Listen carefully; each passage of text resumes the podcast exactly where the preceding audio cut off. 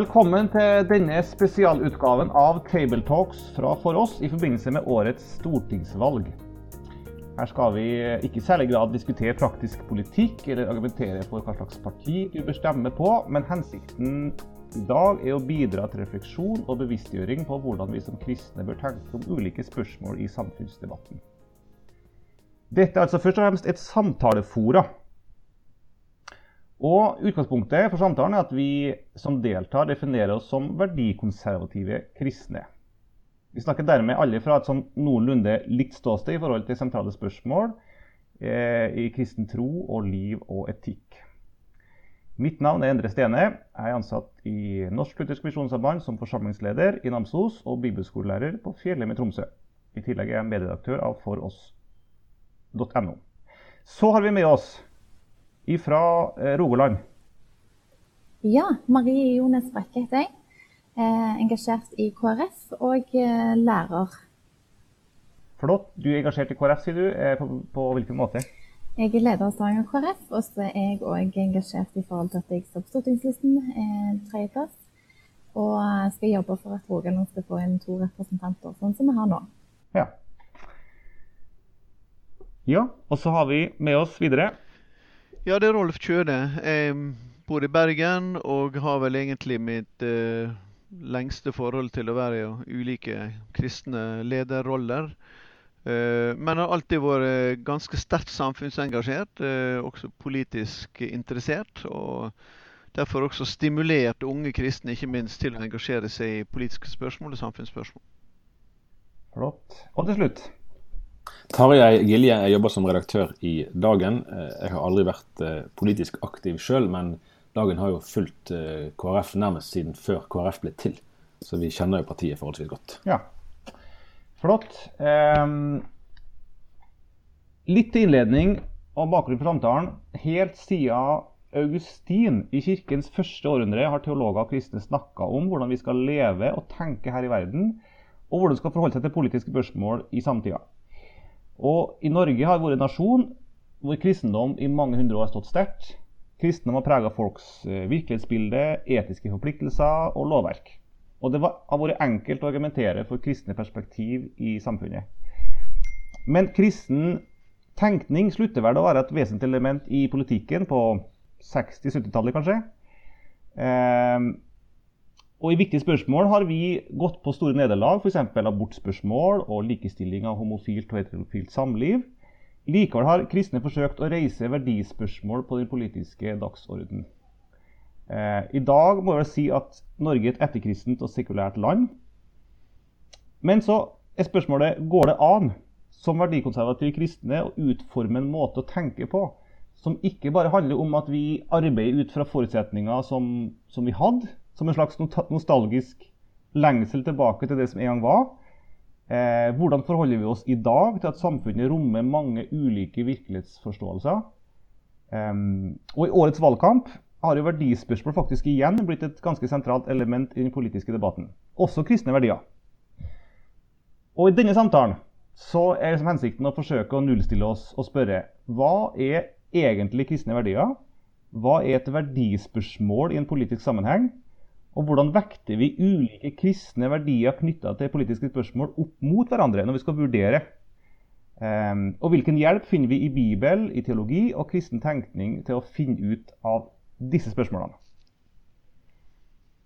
Så med den innledninga så slipper jeg dere litt løs. Hva er verdispørsmål i en politisk sammenheng? Jeg syns innledninga di er interessant på den måten at Ehm, jeg tror at vi som kristne eh, må gjennomtenke vårt forhold til eh, ehm, spørsmålet om det kristne samfunnet på nytt. Nå er jo det sånn, Du sa jo ganske sterkt at vi er et etterkristent samfunn, og jeg er jo egentlig grunnleggende sett enig i det. og Samtidig så er det klart at den at det vi bærer med oss etter tusen år med sterkt kristen nærvær og påvirkning i denne kulturen og denne nasjonen vår, det, det sveipes ikke ut bare fordi vi fikk 68-generasjonen på 1900-tallet. Uh, eh, og uh, det, er, det er noe som ligger der, og det har en bærekraft fortsatt for mange mennesker ikke nødvendigvis trusmessig, det er også selvsagt, men også for ens måte å tenke, tenke verdier på.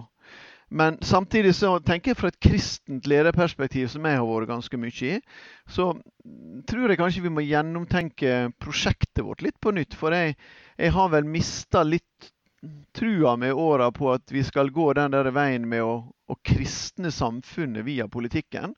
Uh, og I den grad det er et parti som har vært der en gang i historien, så er jeg for så vidt glad for at det er få parti som Det er ingen av partiene sånn som jeg leser det på Stortinget i dag, som er på, på den bane at vi skal kristne folket vårt gjennom, gjennom uh, politikken. For det er evangeliets sak, og det får, uh, det får en drive med på andre fronter.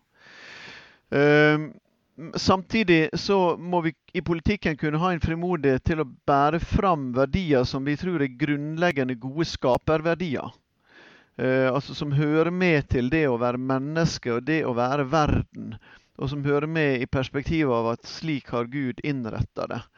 Og Der må vi kunne ha frimodighet til å bringe inn den type verdier som da er kjerneverdier inn mot samfunnsspørsmål fra et kristent ståsted. Uh, jeg skal også si til spørsmålet ditt at jeg, tenker av og til at vi har gjort verdidefinisjonen for smal. da. For med, Når vi snakker om verdispørsmål, så havner vi veldig fort i kjempeviktige spørsmål knytta til menneskeverd, naturligvis. Og gjerne inn i abortspørsmål og den type ting, og litt inn i samlivsspørsmål. Men etter min mening så er verdispørsmålet videre enn det. Eh, også, sett, også sett fra et kristent ståsted. Hmm. Ja, jeg tenker, hvis jeg kan kommentere noe på det, så tenker jeg at eh, det mest grunnleggende for meg som kristen den politisk, på den politiske arenaen handler om å fremholde menneskeverdet. Eh, og så tenker jeg at du har nok riktig i det at vi toucher innom, og bør touche innom, langt flere eh, verdispørsmål enn akkurat det som går på menneskeverd, sortering og de klassiske abortproblemstillingene. Men at det er grunnleggende at tilværelsen ikke er en tilfeldighet, men at det er en skaper, det er en hensikt, det er en mening. Eh, det tenker jeg at er den viktigste kanskje drivkraften i mitt engasjement. At hvert menneske er skapt av Gud. Og det tenker jeg at eh, jeg tror at med frimodighet at vi kan fremholde det uten at vi har ambisjoner om å kristne Norge gjennom den politiske tanken. For, eh, for, evangeliet må gå fram i menighetene. og Derfor tror jeg det er viktig for en politiker òg å være engasjert i, i begge deler.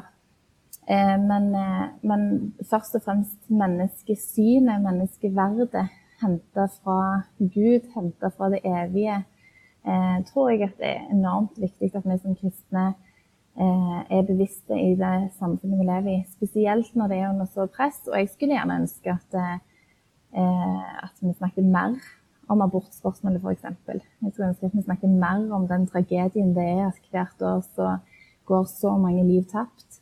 Eh, og jeg syns det snakkes for lite om. Eh, selv om jeg òg er enig i at er verdispørsmålene beveger seg langt bredere, så skulle jeg likevel ønske meg at vi snakket enda mer om den problemstillingen. Eh, jeg er helt, helt enig i det, faktisk. Eh, Dagen var jo faktisk i sin tid egentlig negativ til opprettelsen av Kristelig Folkeparti. Eh, det var vel ut fra en tanke om, om eh, vinning og tap i det å samle eh, kristne mennesker i et eget parti, kontra i det å være fordelt på andre partier. Så snudde avisen på lederplass òg når partiet kom. Men vi står jo i dag overfor et landskap som jeg først og fremst opplever er ganske forvirrende. Der du har en del veldig tydelige kristne velgere, gjerne gått ute på høyresiden, som, som har eh, omkamp om ekteskapsloven og, og, eh, og en, grunnlovsendringene fra 2012, som, som virker som store flaggsaker og vil reversere og se på, på grunnlovsendringene som en slags avkristning.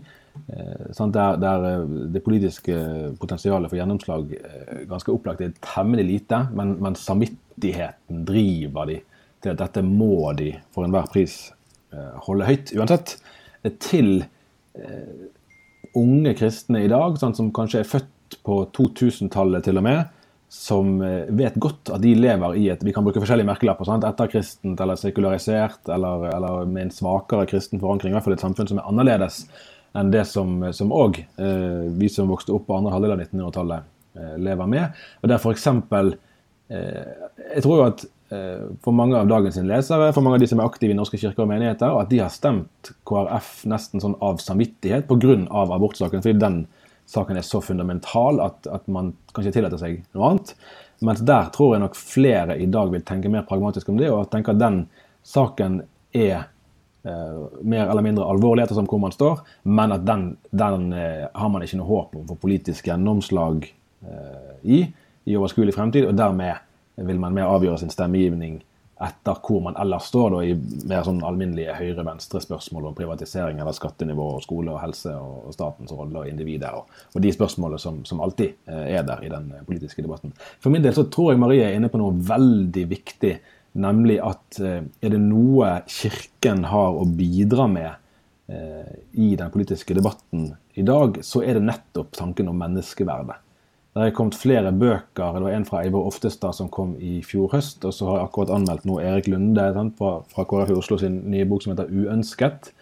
Eh, der vi ser ganske tydelig hvordan, hvordan, tanken om livet som en gave fra Gud og, og enkelte, det enkelte individ sin ukrenkelige verdi som et, et veldig konkret eh, innspill i debatten. Her handler det virkelig ikke bare om om småting eller om overfladiske eh, saker. Dette griper dypt inn i selve forståelsen av tilværelsen. Og her har eh, kristen eh, politisk tenkning virkelig noe å, å, bidra med, som vi kommer til å, å, se store konsekvenser av hvis vi mister det perspektivet. Mm. Marie? Jeg tror Ralf var før meg. Ok. ja, det samme det. Altså, um altså Jeg er 100% enig i dette med menneskesyn, menneskeverdet. og Det har også vært, vært bærende for min måte å tenke inn mot politikken på.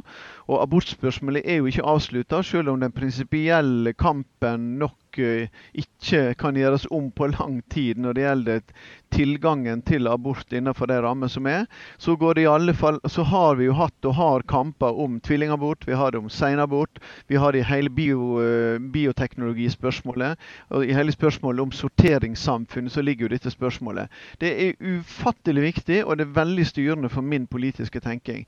Når jeg etterlyste en litt større bredde i det, så er det fordi at jeg opplever at det det er ikke enda skikkelig stuereint i en del kristne miljø å gå inn i de tingene som, hvis det iallfall går til Det gamle testamentet, blir snakka vel så mye om, nemlig voldsom, et voldsomt trykk på rettferdighet, på en rettferdighet som løfter den fattige, eh, og at det er også noe som gjelder i en global sammenheng.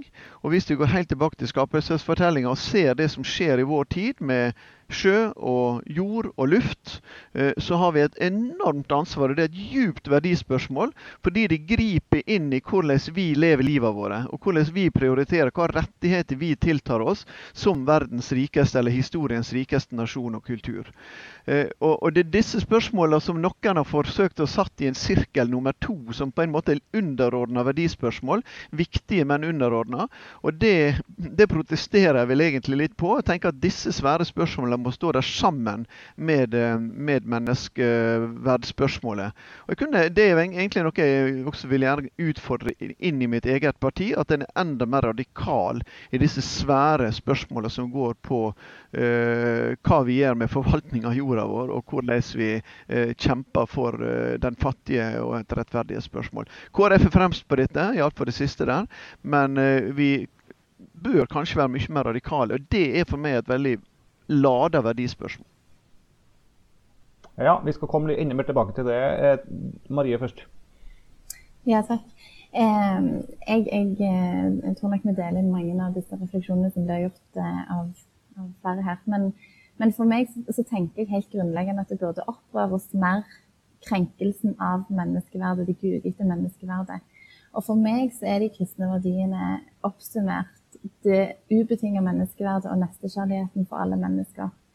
Og menneskeverdet som ligger sånn i bånn for all tenkning, eh, som på en måte vi finner større og mindre krenkelser av, der syns jeg at det burde opprøres mer. Og vi har som kristne, iallfall i KrF, mulighet eh, til å sette noe av den politiske agendaen sjøl. Vi er ikke helt prisgitt eh, hva debatten på NRK skal handle om. Vi får òg lov å ta opp egne temaer som burde engasjere oss. Og jeg savner at vi i enda større grad eh, vi tar det tydelig når det kommer problemstillinger som, som rører seg i befolkningen, men jeg syns at vi med jevne mellomrom bør løfte opp, og at det bør opprøre oss det som, eh, som, mange anser som en tapt kamp med, med abort, den, den, generelle abortproblemstillingen. Så, så, det tenker jeg at det, det er iallfall en oppfordring fra min side at det, de grunnleggende prinsippene må vi stå frimodig på. For jeg tror at vi, når vi setter det på agendaen, så tror jeg at det er den eneste måten å få opp øynene til folk på et sånt viktig spørsmål. Så jeg vil bare kort kommentere det med at mange orienterer seg etter andre saker. Og det opplever jeg jo veldig mye i ulike sammenhenger som jeg befinner meg i. Men det handler jo òg nettopp om det at en opplever at fokuset rundt disse grunnleggende verdispørsmålene ikke er så stort. Og da blir det lettere å orientere seg om skatt. Offentlig styring versus privat eierskap osv. Så, videre. så Så jeg tror at vi har et kjempepotensial rett og slett på, på saker som noen ganger blir beskrevet som tapte saker. Ja, det, det, tror jeg er riktig. og Der er jo et tilleggspoeng òg at eh, når jeg sa det som jeg sa i sted om de som er, som er yngre enn eh, en meg, sant? Og, og, vokser opp eh, i en annen tid, og som f.eks. Eh, egentlig ikke husker etter hvert eh, tiden før, eh, før ekteskapsloven, så er det jo og, og, og, jeg vil legge til det at vi lever, syns jeg, i en tid der trangen til harmonisering er nokså sterk. Eh, at vi, eh, den forståelsen som dominerer av toleranse, handler litt om at vi skal ikke true den menings, eh, det tyngdepunktet som er etablert. Og at dermed også at, at, aktive kristne velgere kan miste en del frimodighet når det gjelder å, å stå opp for kontroversielle saker. Man ønsker ikke å, å være de der sure sant? som, som kjefter og er imot ting, og vil heller da legge oppmerksomheten på saker der, der det er lettere å få gjennomslag. Jeg tror jo ærlig talt at det kanskje kan ha litt å si for f.eks. det at, at, kampen mot menneskehandel er blitt veldig eh, altså populær, da, rett forstått, i, i, en del kristne miljøer. Og ære være eh, de som kjemper eh, mot det, som virkelig òg egentlig går på menneskeverdet. Eh, men det er jo litt påfallende at eh, engasjementet i abortsaken eh, på ingen måte synes å være like stort blant de som i dag er under 30 år, f.eks.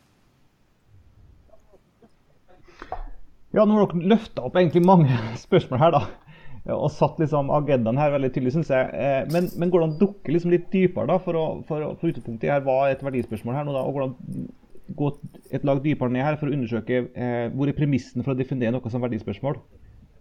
Eh, og hva, hva, definerer vi som det? Dere har kasta frem noen ting her, men går an å gå jeg, jeg, si at, under her? Eh, jeg har ikke vært sånn kjempemye i USA, eh, men, men, vi følger jo litt med på politikken der. Og det er jo interessant at hvis vi tenker at vi fire da står sånn cirka i, i, i hvert fall i beslektede teologiske tradisjoner, så ville vel nesten alle våre, eller i hvert fall veldig mange da, av våre kan du si, åndelige allierte i USA, ville jo stemt republikansk helt uten å nøle. Og skjønner ikke bare av at vi eh, tillegger staten en så sentral rolle i vår politiske tenkning som vi gjør, mens norske politikere jo i det vesentlige er sosialdemokrater alle sammen, med litt avskygninger mot høyre og venstre. Men liksom den grunnleggende forståelsen av statens sterke rolle eh, vil jo mange amerikanske kristne konservative slett ikke dele i det hele tatt. Og de vil, en del av de vil bruke eh, bibelske eh, argumenter for det. Eh, og, og tenker at vi eh, gir fra oss eh, frihet og lar oss styre av et system som i neste runde kan vende seg mot oss, og plutselig så står vi der med våre skoler og våre menigheter og alt mulig som har egentlig gjort seg litt avhengig av staten, og så mister man støtten. Og hva da? Hmm. Ja, du spør, du spør Endre, etter hva som er på en måte den grunnleggende måten å tenke om verdier på. Når, når Tarjei bringer inn USA her, så jeg har jo mange amerikanske venner. Jeg har heldigvis venner i, i begge politiske hovedavskygninger der borte. slik at jeg ser jo at, at bildet er litt mer uh, nyansert enn det av og til framstilles i Norge. Men jeg spør mine venner i USA liksom, hva er det som er den bærende politiske verdien Eh, i det amerikanske mm, politiske livet, så vil nesten uavhengig av om en demokrat eller republikaner, men naturligvis enda mer republikan republikanerne, vil si det at den viktigste verdien er freedom. Det er frihet. Eh, og da, går jeg rett i det som regelen jeg snakker om dette, iallfall de som jeg kjenner bra, som jeg vet jeg kan gå rett i. Og så sier jeg ja, men freedom, eh, frihet for hvem? Eh, for hvor mange? Frihet ut fra de forutsetningene vi har, slik at den sterke får spille ut sin frihet, og den svake får mindre anledning til å spille ut sin frihet? Eller skal vi ha en politikk i samfunnet som skaper en frihet for flest mulig? Eh, fordi det er helt umulig å være uenig i at frihet er en veldig viktig politisk verdi. Eh, men den friheten må jo da komme flest mulig eh, til del. Så Der har du en sånn refleksjon. der Når jeg kommer utenfra og ser inn i det amerikanske samfunnet og politikken, så ser jeg at frihet er kanskje denne verdien som står sterkest i, i samtalen der, som ting gjerne dreier seg rundt. Men jeg er enig med Maria at vi må, vi må, vi må få fram menneskeverdspørsmålet. Jeg tror jo det er, den, det er en grunnleggende verdi, også fordi den knytter oss til gudsdimensjonen. Eh, og her, her, er jo de grunnleggende dimensjonene. fordi at den som tror på Gud, på, Bibelens Gud, vil få et syn på mennesket, vil få et syn på forvaltninga, vil få et syn på rettferdighet. Eh, noe, og vil ha et syn også på samlivet. Eh, fordi at det er, der er, der er et grunnlag under det, det, som bærer det. Det er klart En, en bibelsk skapelsestanke og skapelsesteologi og den etikken som går ut fra det, den naturlige lovs etikk som går ut fra det, det er jo til sjuende og sist den basisen som vi må tenke ut ifra. da. Mm. Marie? Ja, eh, og jeg eh, vil bare komme inn på litt det som ble kommentert på frihet. fordi at eh, jeg selv bodde og studerte i USA, eh, og var for øvrig med i den republikanske studentorganisasjonen, hvis jeg kan få lov å innrømme det. Eh, og, og, den frihetstanken som, som, gjelder, tenker jeg går òg noe på, på, det med åndsfrihet. Altså det å tenke og tro og mene fritt. Eh, og den er jeg oppriktig bekymra vil bli under press, sterkere press enn det allerede er i Norge i dag. Eh, du så jeg for noen år siden under Stoltenberg-regjeringen eh, Frelsesarmeen som eh, var under press i forhold til sitt syn på samliv, og statsstøtten kobla opp mot det. Og jeg tenker at det er en fare som, som, må, som kristne var våkne på. Men så vil jeg bare kommentere på noe som gjerne ikke har blitt sagt. Eh, fordi at eh, jeg har vært med i politikken i ti år, var med, ble med når jeg var 18. Eh, og var liksom så ivrig og ville kjempe inn liksom disse kristne verdiene sånn som jeg så de og forsto de. Eh, men har etter hvert endt på at politikken, hva trenger politikken? Ja, det trenger kristne verdier. Men det trenger først og fremst åndelig våkne politikere som tror på Bibelens Gud, som Rolf kommenterer på. Fordi jeg tror at mennesker som, eh, som, tror på Gud, og som eh, tror at Gud har gode tanker og gode planer for oss, eh, vil eh, være utrolig viktige å ha i politikken. Fordi det gjenspeiler og påvirker alle områder av det politiske bildet. Så om de er i Høyre eller om de er i ulike partier, så, så treng, trenger vi åndelig våkne mennesker som, som evner å reflektere og se både farer og, og muligheter innenfor det politiske rommet. Jeg tror jo åndsfrie ja, Vær så god, Terje. Terje, kom igjen. Ja, det var fint. Eh, altså, vil, det var ikke noen sånn egentlig veldig sterk meningsytring om USA fra min side. Det var mer et forsøk på å, å tegne opp en side av et bilde der jeg tror det er riktig å si at, og det har jo for så vidt norske kirke fått litt kritikk for òg, for, for, at, at biskopene her gjerne ser ut i hvert fall til å kunne ha en viss eh, slagside mot det politiske venstre, og det er vanskelig å få øye på kirkelige talspersoner som, som har en tydelig eh, borgerlig orientering.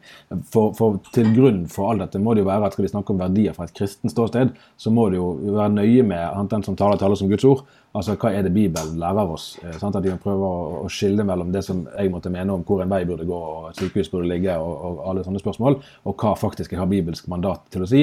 Men så viser det seg i neste runde at òg i de spørsmålene så vil jo faktisk kristne mennesker i for så vidt såpass like kulturer som Norge og i Amerika kommet til ganske ulike svar når det gjelder helt grunnleggende hva slags samfunnsmodell vi vil ha. Det er veldig få norske kristne som egentlig skjønner noe særlig av eh, at eh, folk i Amerika kan kalle seg kristne og stemme republikansk. Eh, det sier igjen ikke som at jeg nødvendigvis er helt enig i den vurderingen, men sånn er det jo. George Bush senior fikk vel tror jeg, 4 eller noe sånt her i landet. Ja, men altså, Marie nevner et kjempeviktig begrep, og jeg tror det blir en kjerneverdi som politikken uh, må dreie seg om framover. Fordi at jeg er veldig usikker på dette prosjektet med hvorvidt vi skal kjempe for et, et kristent samfunn. Uh, og jeg kanskje der at jeg tror at vi må kjempe nå for hva det betyr å være et liberalt samfunn, for det er jo det vi på mange måter er. Men hva betyr liberalitet? Hva betyr da frihet? Eh, og da er dette åndsfrihetsbegrepet er kjempeviktig, for et samfunn sine grunnleggende kvaliteter viser seg på en, hva rom en gir for sine minoriteter, og hva aksept en gir for sine minoriteter. Og dette er jo vi har et skremmebilde øst for oss i, i Sverige, der ensretning er preger kulturen. og det går, det, går, det går, så langt inn å sette begrensninger også på det å drive kristne friskoler f.eks. Mens vi egentlig da i, i, i, tradisjonen av Grundtvig har en annen tradisjon i Danmark. Som er at der kan altså lederen for Kristent pedagogisk forum der nede han kan skrive bok som heter Åndsfrihet. Og han kan samle oppslutning om dette åndsfrihetsbegrepet og, og, og en svær inn i alle politiske partier i Folketinget. Fordi at de har en form for åndsfrihetstenkning eh, som er mye mer lett å puste i. Og Her står vi Norge, i Norge på et valg framover. Skal vi følge Danmarks tradisjonelle vei, eller skal vi følge den veien som Sverige har slått inn på? Og Jeg er livredd for at vi nå har politikere i de fleste partier som er innstilt på Sverigeveien. Og Det blir kanskje den viktigste kampen framover. Ikke å kjempe for et kristent samfunn eh, med stor K, i alle fall, eh, men å kjempe for et samfunn der eh, vi har en sann liberalitet som ikke virker undertrykkende på sine minoriteter. Mm. Eh, jeg, jeg, har lyst til å hive oss litt tilbake igjen til, til forsøk på å undersøke verdi her. Eh, og jeg har lyst til å sitere litt fra mesteren selv. Eh, det kommer noen og spør hvilket bud er det største i loven. Og så svarer han du skal elske Herren din Gud av hele ditt hjerte, av hele din sjel og hele din forstand. Dette er det første, største og første bud, men det andre er like stort. Du skal elske ditt neste som deg selv. På disse to budene hviler hele loven og profetene. Um, Jesus plasserer jo da med det da, eh, det å elske sin neste som helt sånn grunnleggende eh, for, for, hele vårt liv. Både som kristne og som menneske. Det er dette det egentlig handler om. egentlig en side. Um, og hvordan forholder vi oss til det da, som grunnlag for etikken? Hvordan omsetter vi dette i politikk? Um, nå, nå, nå stiller jeg dere spørsmål, altså. Uh, er det å elske og tjene sånn som nå Jesus plasserer det i midten, er det et slags sidespørsmål? Også kristen politisk tenkning, eller er det sentrum? Um, så når du, Rolf, uh, viser til at uh, dine amerikanske venner snakker setter frihet som sentrum OK, men Jesus setter jo liksom da kjærligheten i sentrum, da. Han gjør faktisk det her i teksten. Og, og, og, og hva betyr det for, for kristen tenkning? Um, Johannes sier jo også eh, Johannes' brev mine barn, la oss elske. Ikke med tomme ord, men i gjerning og sannhet. Så kjærligheten er jo en sånn grunnleggende eh, premiss for hvordan vi skal leve livet. Hva betyr det egentlig da for, for vår vurdering av verdispørsmål? For min del så, så handler det om eh, Det handler jo om eh, sånn som i forhold til KrF og mitt engasjement, så handler jo det om engasjement for verdens fattige. Ikke bare de utslåtte her hjemme, men, men de som òg lever i i fattigdom i, i, verden. Og så tenker jeg at eh, ja, jeg tror at Gud, eh, akkurat sånn som du leser, har et stort bud for oss om å elske. Og så er det liksom hvordan gjør vi det på best mulig måte.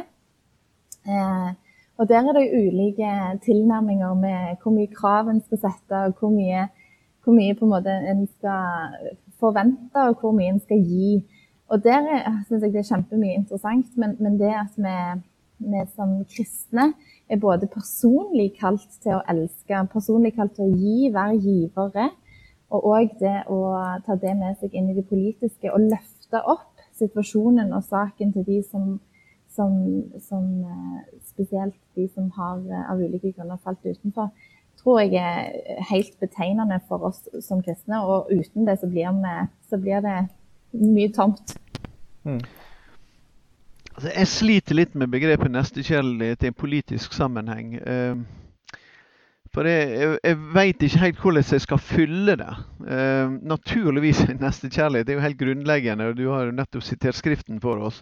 Og dette er vi jo klar over, og vi vil få veldig mange, nesten alle tror jeg, til å være enig med oss at nestekjærlighet er, er kjempeviktig i et i menneskelivet og i det menneskelige samliv, også i det menneskelige samfunnsliv. Så, så, det er jo ingen som kan ha noe imot nestekjærligheten. Og samtidig så lurer jeg på hva er dens politiske hva, hva, hva politisk verdi bærer den? For hvis jeg går til, hvis jeg går til Bibelen og spør etter begrep som blir brukt, og spesielt av profetene, om, uh, om, det politiske og inn mot det politiske miljøet, så er jo det mye mer et krav om rettferdighet som ligger i det, og som naturligvis også er, naturligvis også er en del av nestekjærligheten. Altså det at vi, vi kjemper for rettferd for, for, vår neste. Men da er vi mye mer inn i politikkens område og språk, uh, tenker jeg.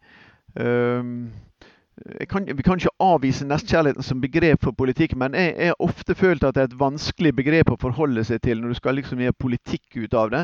Da er det enklere å forholde seg til Bibelens eget ord eh, for disse tingene, nemlig rettferdighet. Ja, Vi ser vel egentlig her tror jeg, eh, litt av, av hvordan det òg kan være vanskelig. Og jeg tror vi skal være varsomme med å å legge konkrete politiske føringer eh, ut, fra, ut, fra, et eh, sterkt og, og vakkert eh, bibelord.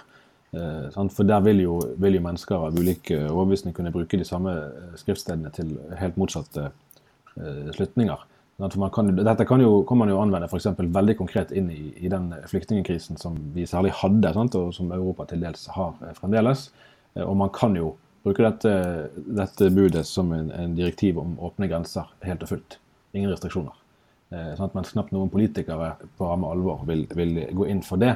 Men hvor skal du sette grensene hvis du, hvis du kun skal tenke nestekjærlighet som, som ideal? Så Det jo, viser også litt av at, at uh, det er behov for en gjennomtenkning uh, av hvordan vi forholder oss til bibeltekstene i møte med praktisk politikk.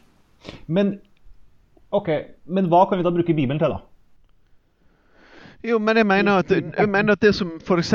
som Tarjei påpeker her, det, det, er en viktig sak. fordi at en del av de utfordringene vi står overfor, er jo Og det, vi, også, det som blir, har blitt gjort i deler av politikken, det er jo på en måte å angripe, å angripe symptomer. Um, og da kan du trenge masse nestekjærlighet når du skal angripe symptomer. Men jeg mener jo at den selve verdidebatten må gå på å spørre og fra en kristen kirkes side må jo gå på å spørre er det noe i premisser som er galt. Altså Er det noe i premisser vi må angripe? Uh, er, det, er, det, noe som ligger, er i bunnen som som er en grunnleggende feil verdi?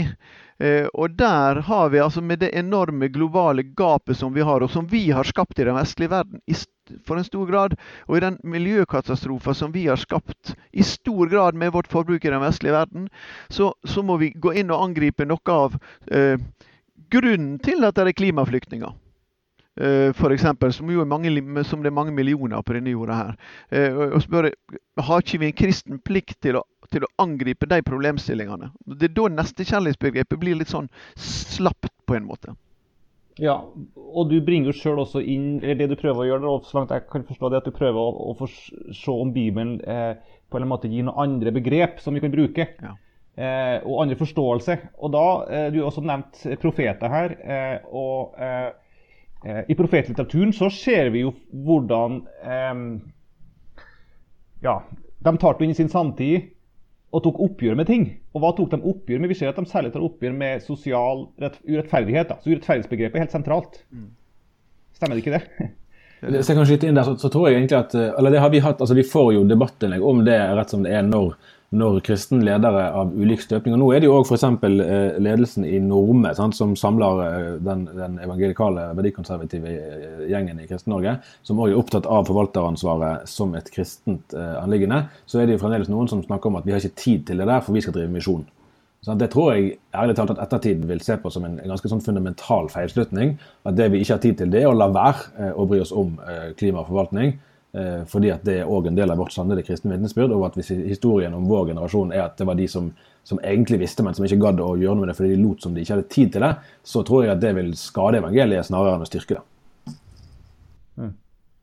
Ja, for det er det jeg spør meg om når jeg, når jeg går inn i tekstene, bibeltekstene sjøl, eh, så opplever jeg særlig som sagt i profetbøkene at det er en sånn rystende kritikk. da, eh, Og radikal kritikk av urettferdighet og av utbytting. Mm. Og da tenker jeg at ok, men da syns jeg at dette er en, en viktig bibelsk verdi. Mm. Er det ikke sånn å forstå? Og, jeg, og, jeg, og NT gjentar det også, jeg skal sitere et vers til her, som jeg tenker i, i noe her, og det er for Jakob sitt brev. Eh, hvor, hvor eh, Jakob sier at dere, dere er veldig rike, eh, mye rikdom.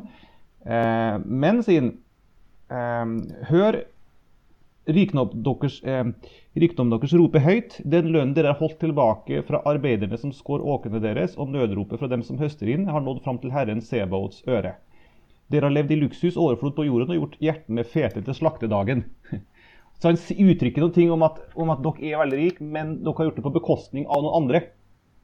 Dette er jo òg eh, av de spørsmålene som egentlig er utrolig interessante. Eh, og her har jo igjen eh, noen eh, brukt eh, Jesus eh, og hans egen lære nærmest til å forsvare altså kommunismen sant, i siste instans.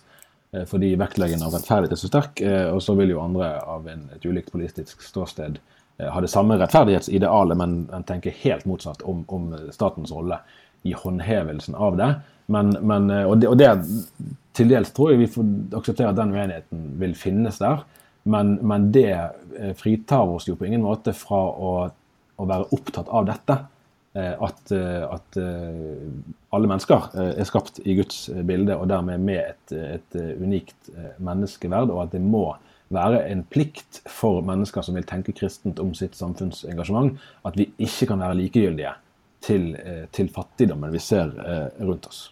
Og da, og da en ting er, er, på en måte individplanet menneskene vi møter, men vi må jo òg eh, tenke systemisk om, om, eh, ordninger og strukturer som eh, holder folk nede, og som holder andre oppe.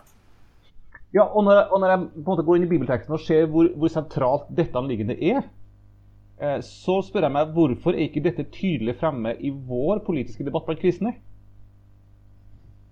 Har dere noen kommentar til det? Jeg er i hvert fall redd for og det, altså, Du sa jo litt eh, tidligere om, eh, om verdidebatten som går nå. Sant? Jeg syns det er vanskelig å, å, forholde meg helt til den. for der jeg opplever der er flere veldig forskjellige ting eh, samtidig. For noen kan det være et genuint kristent engasjement som kommer til uttrykk. Men ubehagelig ofte syns jeg at det ser ut nesten som at kristendommen og korset blir en slags sånn buffer mot muslimer. At man skyver det foran seg i en kamp som egentlig ikke handler om evangeliet, men om at man er mot noe annet. Eh, og da eh, lurer jeg litt på om det kan bli et sånn symptom på at vi kan se oss litt blinde på noen sånne symboler eh, som vi kan kalle kristne, og som, som, har en kristen forankring, mens det egentlig ikke nødvendigvis er en kristen politisk tenkning som faktisk preger disse trendene. Eh, Marie? Ja, altså I, i denne debatten også, så savner jeg jo noe litt sånn selvkritisk om den norske vi forsvarer jo det som at det er liksom det ideelle. og Jeg likte spørsmålet som jeg så sto på trykk tror i dagen, er det en typisk norsk verdi å sortere Downs syndrom. Det er en litt sånn eh, spissformulert eh, litt sånn selvinnsikt på at eh, ja, vi har mye godt å komme med, men i det sekulære samfunnet vi lever i, så er det mye som handler om egoet. Som handler om meg og mitt, eh, og som eh, egentlig eh, syns jeg burde bli sett på med, med, litt andre øyne. Så jeg savner jeg på en måte at en, at en velger å liksom gå gå liksom til kjernen i det med verdispørsmål. Ja, OK, alle nå er jo for skolegudstjenester, alle syns det er en god, god ting. Og det, det, bør vi som kristne være glad for, syns jeg. Men, men, eh, men, hvis en spør de samme politikerne men innholdet i skolegudstjenestene, hva, hva, har det å si for oss? Så blir det my fort mye blankere. Mm, eh, og, og svarene er ganske hule, syns jeg. Det sa vel Slagsvold Vedum noe om så jeg husker i den store partilederdebatten som NRK hadde nå fra Arendal. Sånn det, var veldig, det var veldig fint å ha skolegudstjenester, mm. men det skulle ikke være forkynnelse i dem. Ja, de skal se ut. Da blander han seg i ting han ikke har noe som helst med. Fordi at, fordi at gudstjenester de holdes eh, som gudstjeneste, og så får en kjøpe det konseptet som det er. Eh, så enkelt må det være, ellers så selger kirka sjela si. Men eh, jeg vil komme tilbake til dette spørsmålet om den grunnleggende samfunnskritikken. fordi at fordi vi, vi, hadde jo en bevegelse som kaltes marxismen en gang. og Det er ikke så mye igjen av den i verden. Men den hadde jo en veldig viktig oppgave. Det var å være samfunnskritisk. Men det vi har, det vi har gjort, det at vi har vært på av helt gode grunner så har vi reist også for en kristen sammenheng en kritikk mot sosialismen, en kritikk mot kommunismen. Og det er mange ting i den ideologien med hensyn til menneskesyn og individet, men også med, med hensyn til hva som er statens mandat, og, og også kan du si med, med, hensyn til den økonomien som gikk i bakken. Eh, så det er mye å kritisere på det rent grunnleggende verdiplanet. Men nå, når vi ikke minst nå de siste åra har opplevd at deler av det aktivt kristne landskapet, og spesielt kanskje det litt karismatisk frikirkelige landskapet, har dratt imot amerikansk høyreside ikke bare mot USA, men mot amerikansk høyreside i sine politiske holdninger, så lurer jeg på har vi kraft nok til å fremme en kritikk mot den liberalistiske kapitalismen? Eh, på samme måten som vi kunne ha ført det imot sosialismen og kapitalismen. Og her, det er ikke noe selvsagt at en kristen skal la være å kritisere det systemet som i dag dominerer verden, og som har mange baksider ved seg. Og Jeg, jeg savner en, skikkelig, en skikkelig debatt på det i samfunnet vårt, og det strekker seg i grunnen over hele spekteret. For det, Gro Harlem Brundtland hun gjorde jo Arbeiderpartiet til et høyreparti i økonomisk politikk, så det er jo nesten ikke forskjeller eh, på partiene i norsk politikk her. Men jeg hadde ønske at vi hadde noen som kunne være med og reise en kritikk mot den modellen som vi sjøl er virkelig en del av, og som vi sjøl profitterer fryktelig mye på. Dette er interessant, fordi du da eh, oppmuntrer kristne til er å, å, å være eh, kritisk til farene i enhver samtid. Eh, ikke sant? Det, det du prøver å si her da, når det, var, når det var sosialistisk slagside, så er man kritisk til det. Når det er uheldig, og når kapitalistisk, så er man kritisk til det. Er ikke det du prøver å si? Jo, og jeg tenker at vi må, nå når liksom sosialismen er død, den er jo ikke helt det, men jeg tenker det er viktig at vi som kristne påtar oss en eh, verdikritisk rolle. At vi, at vi, våger å være kritisk inn mot eh, det samfunnet som vi sjøl er en del av. Min eh, bestefar han var konservativ lekmanns, eh, lekmanns høvding, men her i Namdal. Eh, men han var nesten kommunist. Hm. Så Den gangen så var det fullt mulig på, før krigen å være både lekmann og halvkommunist. Eh, mens da har vi hatt en periode hvor det har vært helt utenkelig. Så dette svinger jo litt. Ja, og Tilsvarende var det jo, var det jo lenge nære bånd mellom pinsebevegelsen og arbeiderbevegelsen. Sant? Med litt felles sosiale eh, bakgrunner. Men nå er vel de bånd òg ganske svekket. Men du Tarjei, du nev Ja, eh, Marie først. Ja, og så tenker jeg at det, det, handler vel om kombinasjonen av den innskrenka åndsfriheten som nå kobles, altså som jeg syns ligger nært til sosialistisk tankegang og ikke minst kommunistisk tankegang. At en innsnevrer muligheten til å praktisere sine egne tro og, sin egen tro og sin egen tanke. Så, så det er vel òg det som på en måte har på en måte vært eh, hovedanliggende når en har eh, angrepet den ideologien sånn sett i disse tider. Du Tarje, du nevner et, en ting, det med symbolpolitikk, sier du. Um, hvorfor er det sånn at uh, man, man, uh, man, opplever kanskje at man driver litt symbolpolitikk fortsatt? Handler det om at vi, vi lever som vi snakket, snakket om, at vi lever i et sekulært samfunn som har hatt en kristen dominans tidligere, og så føler man behov for fortsatt å prøve å vedlikeholde ja, altså dette, dette, er store ting, og her skal, vil jeg være forsiktig med liksom sterke eller sånn bombastiske oppfatninger. og Her er det usikkert eh, faktagrunnlag. Men jeg lurer på om vi ser at egentlig at det sprer seg en del eh, både resignasjon og frykt eh, blant, eh, blant, kristne mennesker, og at konservatisme, som egentlig er en veldig god eh, kvalitet, eh, kan gli over i en sånn blanding av forsinkelse og nostalgi. der man, man klamrer seg til skanser som man vel egentlig forstår ikke kommer til å vare så lenge. Eh, men programmet blir mer å kjempe for å beholde det som var, enn egentlig en offensiv strategi for å bygge samfunnet på nytt nye, i en ny tid med nye premisser. Eh, og Der tenker jeg vel at, at den radikaliteten sant, som har preget f.eks. den lutherske lekmannsbevegelsen i flere hundre år, eh, syns jeg ikke alltid er like fremtredende. Jeg ser jo f.eks. i kommentarfeltet og i debattfeltet hos oss at jeg eh, jeg syns ikke at de idealene som denne bevegelsen hevder å bygge på, egentlig alltid er de mest fremtredende. Der, der, hvis hvis f.eks. om navnet skal, om det skal hete KRLE eller noe annet, eh, eller f.eks. hvis man skal ha skolegudstjenester uten forkynnelse, at det er liksom de viktigste kampsakene vi har. Eller at vi skal ha litt flere, eh, eller ikke søndagsåpne butikker. Vi har jo virkelig ganske mange butikker som er åpne på søndager allerede. Hvis det er de tingene der som skal være våre kampsaker i tiden, så, så ser jeg vel ikke sånn umiddelbart veldig lyst på utsiktene der. Jeg tror vi må tenke mye mer grunnleggende om endringene i samfunnet enn det. Der tenker Jeg at, uh, jeg forstår godt det Tarjei sier, jeg tror vel egentlig det er grunnleggende rett. Men jeg, jeg tenker at det er veldig viktig om, vi, om en del av disse kristne som engasjerer seg her, om en, eller om vi som kristne, da, om vi, om vi engasjerer oss ut fra en form for kamp for privilegier. Altså at vi, vi, Det er på en måte kirka og den kristne sine teltplugger som skal strekkes ut i samfunnet vårt. Altså, vi har på en måte, Det er for evangeliet og kirka sin skyld vi, vi, kjemper for disse sakene. Da, da kan vi glemme det. Altså, det, er ikke, det, er ikke, politikkens arena. Eh, men vi kan godt kjempe for, eh, for søndagen som sådan sammen med arbeiderbevegelsen. Fordi at det gir en dag som er annerledes og gir hvile og gir en mye bedre rytme. Det er god skapelsesteologi som du kan sette vanlig sekulært språk på.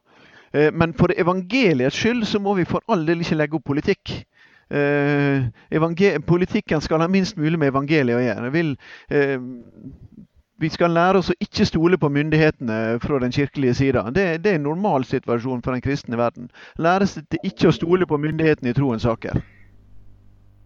For i forlengelse av det her, da, eh, hva er det som blir det viktigste eh, i en politisk debatt for oss? Er det Hvordan skal vi vekte forholdet mellom det å markere et standpunkt det å si ting rent sånn idealistisk, og eh, det å få gjennomført en ting. Hvordan skal vi tenke? Hva er viktigst her for oss som kristne? Det å faktisk få gjennomført noe, eller det å si noen ting om hva som er riktig? Når vi er ferdige nå, så skal jeg eh, skrive en sak om eh, Kjell Magne Bondevik som fyller 70 år i helgen. Og Jeg husker veldig godt jeg var intervjuet han på statsministerens kontor eh, en av de siste dagene han hadde der, i 2005.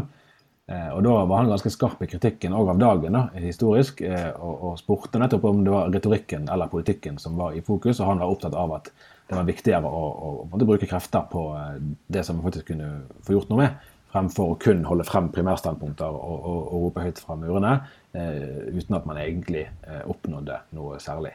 Og Der mente vel han da at dagen hadde kanskje vært litt i motsatt, i motsatt side. Det tror jeg han kan ha, ha litt rett i.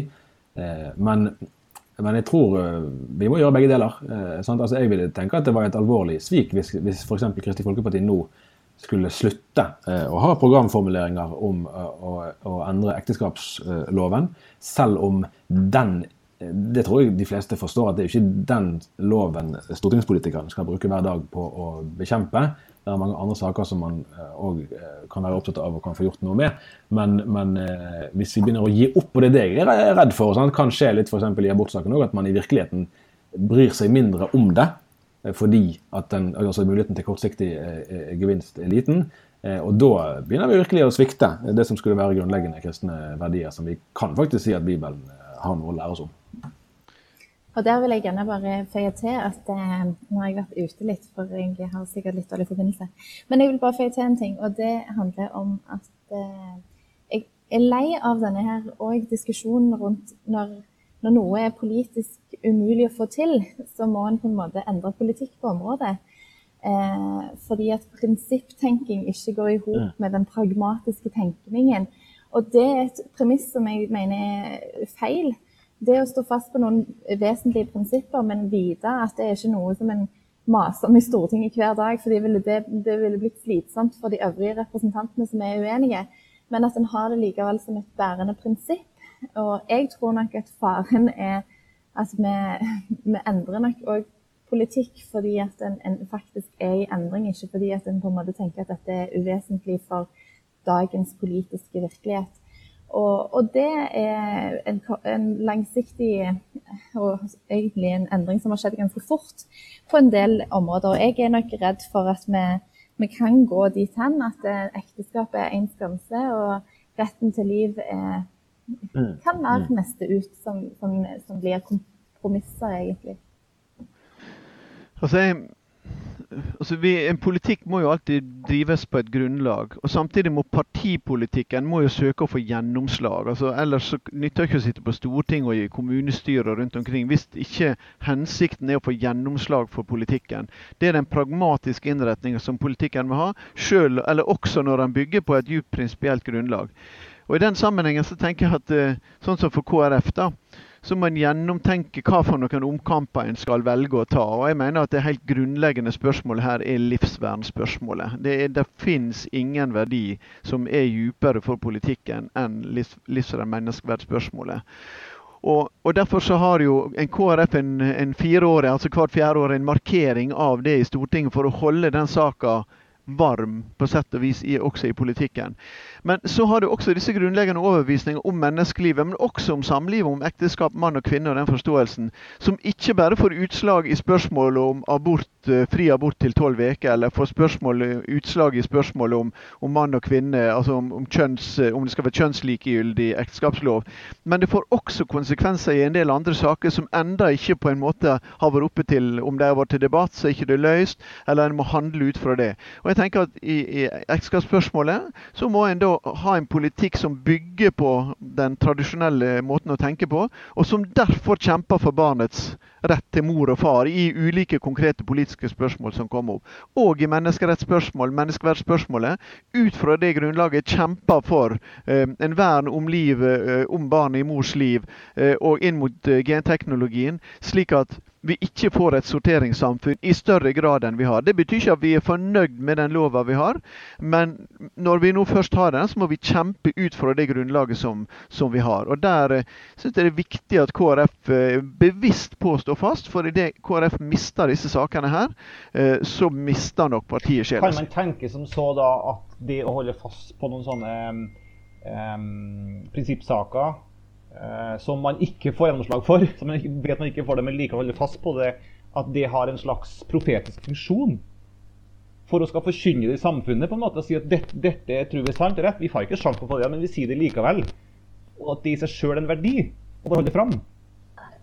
Og alle partier vil jo ha en del punkter som ikke er politisk mulig å få gjennomslag for der det er liten eh, politisk oppslutning. Så jeg tenker det er jo helt naturlig, fordi det peker ut noen prinsipper, noen veivalg, og ja, kall det gjerne profetisk stemme i, i, i vår tid. Men, men, eh, men, jeg tenker at det handler om å løfte blikket og si at det overordna ligger fast. Eh, det handler om skaperordning å gjøre, det handler om eh, at vi tror at, det, at noe ligger, rett og slett ligger fast. Så, så jeg mener at eh, vi på, vi på gal vei hvis vi tror at retningen å gå i er å på en måte tilpasse litt disse spørsmålene for å nå en, en ny velger i en ny tid. Eh, der tror jeg vi gjør oss sjøl uaktuelle. Mm. Enig. Det, det, er helt enig med. Jeg, jeg vil nok uh, kanskje vegre meg mot begrepet profetisk i den politiske sfære. Der skal vi heller jobbe for en ideologisk bevissthet og en verdibevissthet. Og så får, får Kirka ta seg av profetiene. Ja, flott, Rolf. Da tror jeg vi eh, lar det få være siste eh, ord denne gangen. Og så takker vi for en spennende samtale denne gang, og ønsker velkommen til neste.